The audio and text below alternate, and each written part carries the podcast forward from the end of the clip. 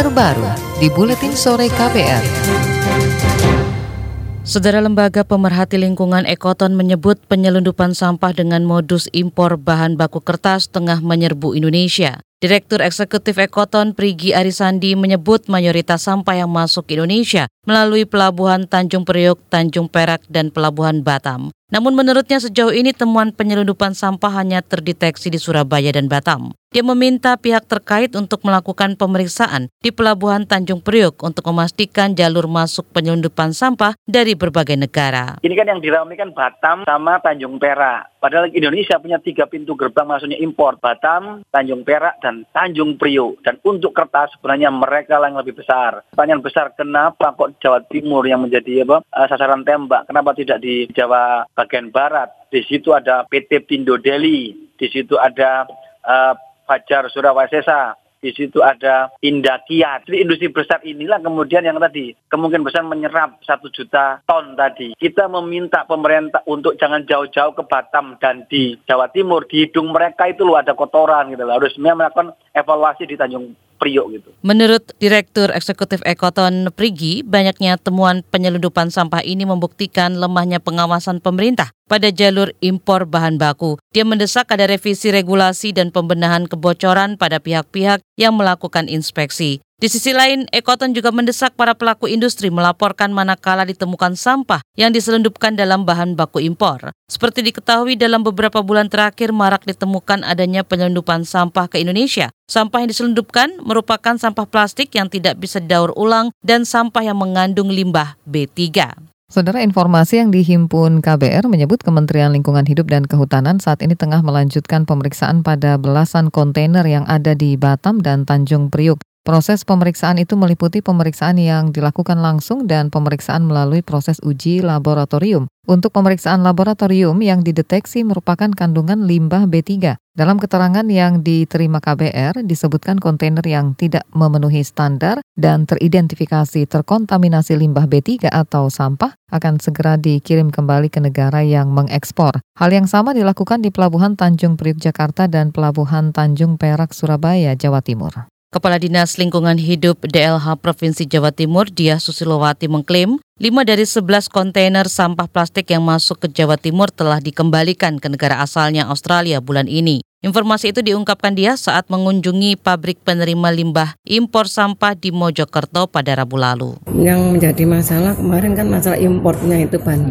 Ternyata memang sampah kertas itu eh bukan sampah bahan baku sebagai bahan baku kertas bekas yang didatangkan dari luar negeri diimpor. Nah, uh, it, uh, semua industri kertas yang ada di Jawa Timur 11 jumlahnya 11 memang selama ini ya impor.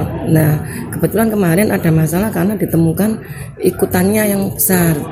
Menurut dugaan uh, informasi dari uh, penyelidikan yang itu kewenangan pusat atau penyelidikannya dari KLHK, dari Bea Cukai dan Perdagangan. Nah, memang ada 11 kontainer dan lima kontainer sudah di reekspor kembali sehingga Jawa Timur. Uh, uh, Jawa Timur. Yang kapan reekspor? Oh, itu sudah uh, ya dalam bulan ini itu itu informasi dari perusahaan. Kepala Dinas Lingkungan Hidup Jawa Timur Dia Susilowati mengakui dari temuan yang ada di lapangan, beberapa industri kertas lokal memang mengimpor bahan baku bercampur plastik. Dia memastikan pihaknya bakal memperketat pengawasan untuk menutup celah penyelundupan sampah plastik ke Jawa Timur. Selain itu, Dinas Lingkungan Hidup juga menerjunkan tim untuk melakukan pendataan terhadap pabrik pengelolaan sampah plastik. Hal ini dilakukan agar proses pengelolaannya tidak dilakukan di sembarang lokasi karena bisa berdampak buruk bagi lingkungan. Sementara itu, Direktorat Jenderal Bea dan Cukai Kementerian Keuangan mengaku terus melakukan kajian dengan Kementerian Perdagangan untuk merevisi peraturan tentang impor limbah. Juru bicara Bea Cukai Denny Suryantoro mengatakan maraknya impor limbah ini merupakan imbas kebijakan Cina yang melarang impor limbah plastik. Tujuan pengapalan limbah kemudian beralih ke negara-negara Asia Tenggara termasuk Indonesia. Denny mengklaim saat ini pengawasan untuk impor limbah terus diperketat. Kalau mengenai regulasi, itu sebetulnya adalah regulasi dari Permendak. Maka dalam hal ini, Bea Cukai sebagai pelaksana di lapangan, kita juga melakukan kajian dan kita usulkan kepada Kemendak untuk melakukan perubahan-perubahan yang perlu lah terhadap peraturan tersebut. Denny Suryantoro mengatakan lima kontainer berisi sampah dan limbah B3 sudah dikirimkan kembali ke Amerika Serikat pada 13 Juni lalu. Saat ini pihaknya bersama Kementerian Lingkungan Hidup dan Kehutanan memeriksa puluhan kontainer lainnya di Batam dan Tanjung Priok, Jakarta. Jika dari hasil pemeriksaan ditemukan limbah B3, maka akan segera dikembalikan ke negara asal. Saudara sejenak kita berolahraga bersama Sindu Darmawan.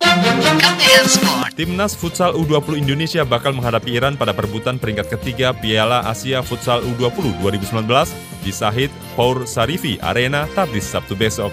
Perebutan tempat ketiga dilakukan setelah Indonesia gagal lolos ke final karena dikalahkan Afghanistan 3-4 di semifinal.